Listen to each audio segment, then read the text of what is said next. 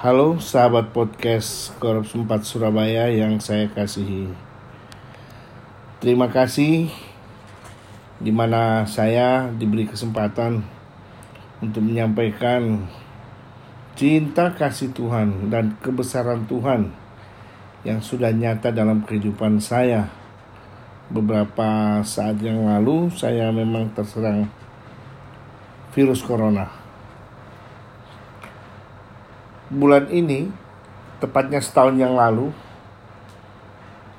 saya mendapat satu cobaan yaitu sakit corona ini.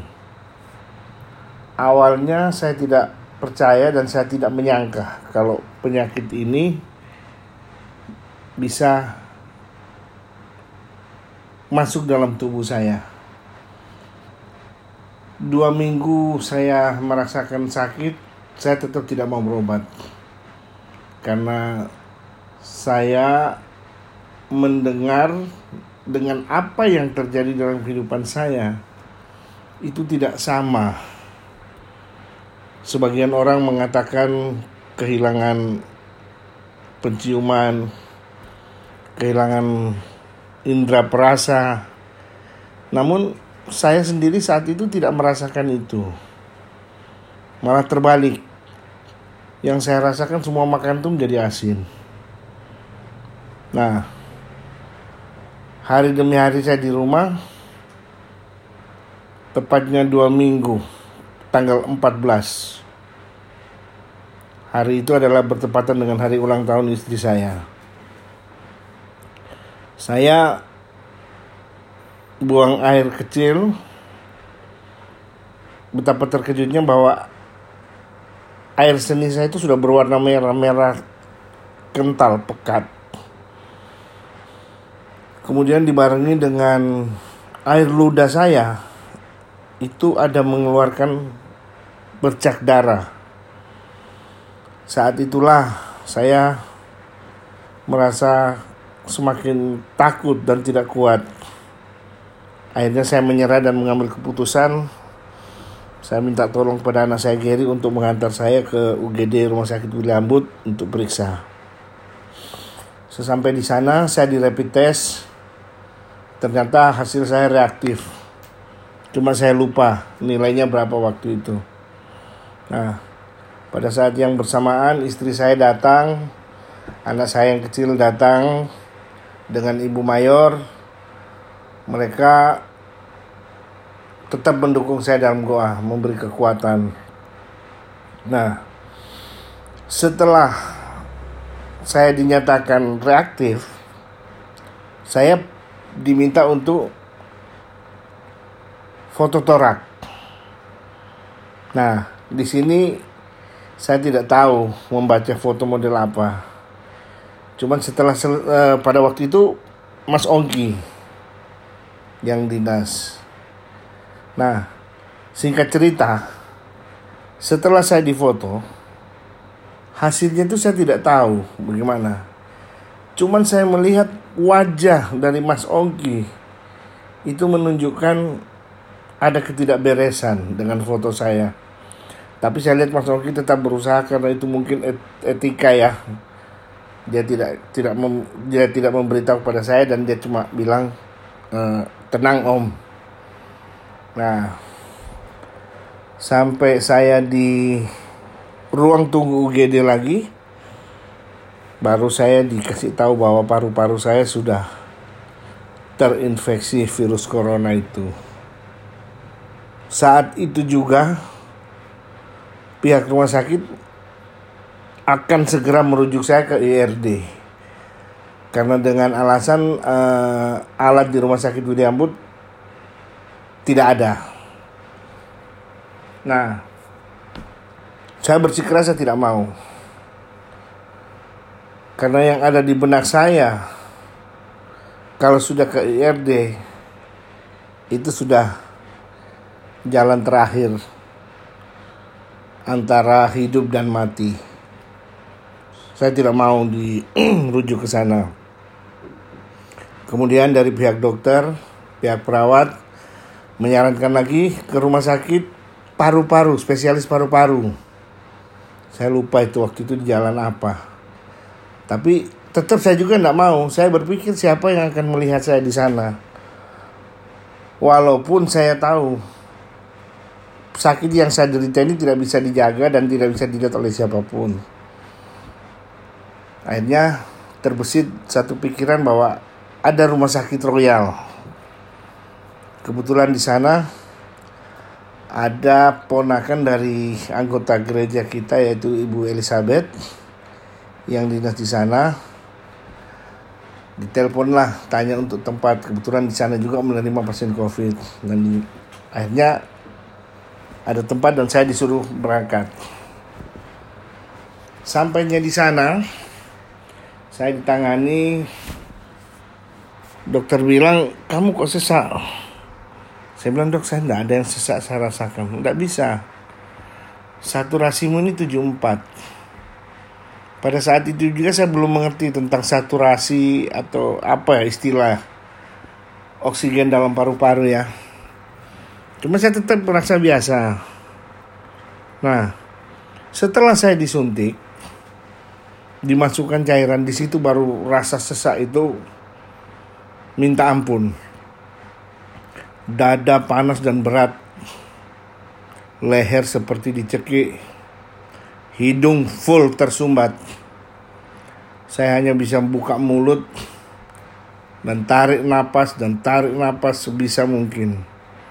Di saat seperti keadaan saya seperti itu, satu perawat datang mengatakan bapak kita rujuk ke DS Sutomo. Waduh, saya bilang bagaimana? Saya merasa di sini nyaman kok malah saya akan dibuang ke sana. Enggak karena Bapak saturasinya tinggal 74. Kami tidak punya alat ventilator. Wah, ini lagi jadi satu kendala. Ventilator dan ventilator. Sebagian artikel saya membaca bahwa ventilator itu tidak terlalu membantu untuk hidup seorang pasien. Saya bersikeras tidak mau. Karena apa? Saya berpikir saya ini sudah kena. Tidak mungkin anak dan istri saya juga tidak kena.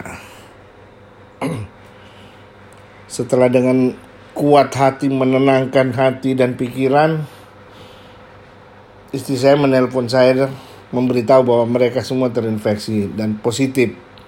Cuman uh, waktu itu OTG ya. Mereka OTG, mungkin saya waktu itu sudah mau OTW. Katanya orang begitu sih. Nah, puji syukur dokter tidak memaksa karena saya tidak mau dirujuk, dia tetap akan berusaha mengobati di tempat di rumah sakit Royal itu. Hari demi hari foto torak saya semakin bagus, semakin bagus. Dan David bilang, Om gak kepingin pulang. Saya bilang, pingin Fit. Iya. Nanti saya coba bantu ngomong ke dokter. Karena kalau saya lihat ini sudah sudah sehat. Malah ketularan, tambah ketularan kalau di sini terus. Akhirnya diskusi-diskusi dengan dokter Dokter menyatakan kalau saturasimu 98 alat-alat ini saya lepas dan kamu boleh pulang. Pada saat perawat itu datang mencoba untuk tes saturasi saya ternyata posisi ada di 99. Puji Tuhan. Saya boleh pulang saya sangat senang sekali. Namun ada satu hal yang membuat saya terharu. Mungkin kalau saya ingat omongan dokter itu saya bisa menangis. Dan mungkin berbicara saat ini, ini saya sudah merasa sesak untuk menangis gitu loh. Dokter bilang, Mas, di ruangan kamu ini, di ruangan yang saya di dirawat Sejak pandemi bulan Maret, baru dua orang yang melepas alat. Saya bingung, maksud dokter apa dok? Ya, baru dua orang yang hidup dan pulang sembuh. Saya tercengang, saya lihat mukanya dokter ini main-main atau bagaimana ya. Langsung datang David dengan sebuah data mengatakan benar om. Baru dua orang om dengan ada yang kemarin barusan pulang. Sembuh. Di situ saya dalam hati berteriak puji Tuhan, puji Tuhan. Tuhan begitu baik, dahsyat. Boleh dibilang maut sudah di depan mata, siap menjemput. Tapi saya yakin dan percaya saya bisa begini karena Tuhan masih bisa kasih kesempatan. Tuhan mau saya berubah. Tuhan mau saya masih ada di dunia ini. Dan sekali lagi terima kasih. Terima kasih untuk para jemaat Korps 4 Surabaya. Terima kasih untuk opsir-opsir. Saya yakin semua pasti mendoakan saya. Saya yakin itu. Saya yakin. Karena di setiap saya termenung posisi saya itu seperti dalam gereja sementara ibadah. Dan itu juga yang menjadi ketakutan saya. Jangan-jangan ini sudah mau berakhir. Karena di setiap perenungan saya, saya merasakan posisi saya dalam gereja. Dan saya melihat opsir-opsir ini berdoa. Jemaat-jemaat ini berdoa. Untuk itu sekali lagi saya ucapkan terima kasih bulan ini adalah setahun saya keluar dan terbebas dari virus itu. Walaupun mungkin dari efeknya saya masih ada rasa sesak sedikit kadang. Saya yakin dan percaya ini adalah proses. Proses. Untuk teman-teman podcast, terima kasih sudah memberikan kesempatan. Dan saya akan berjanji saya akan selalu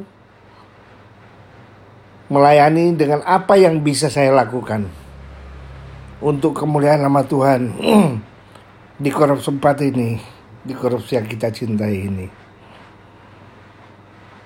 Sekali lagi terima kasih sahabat semuanya, opsir-opsir dan seluruh jemaat. Dukungan doanya. Sekian dan terima kasih. Tuhan memberkati kita sekalian. Haleluya. Amin.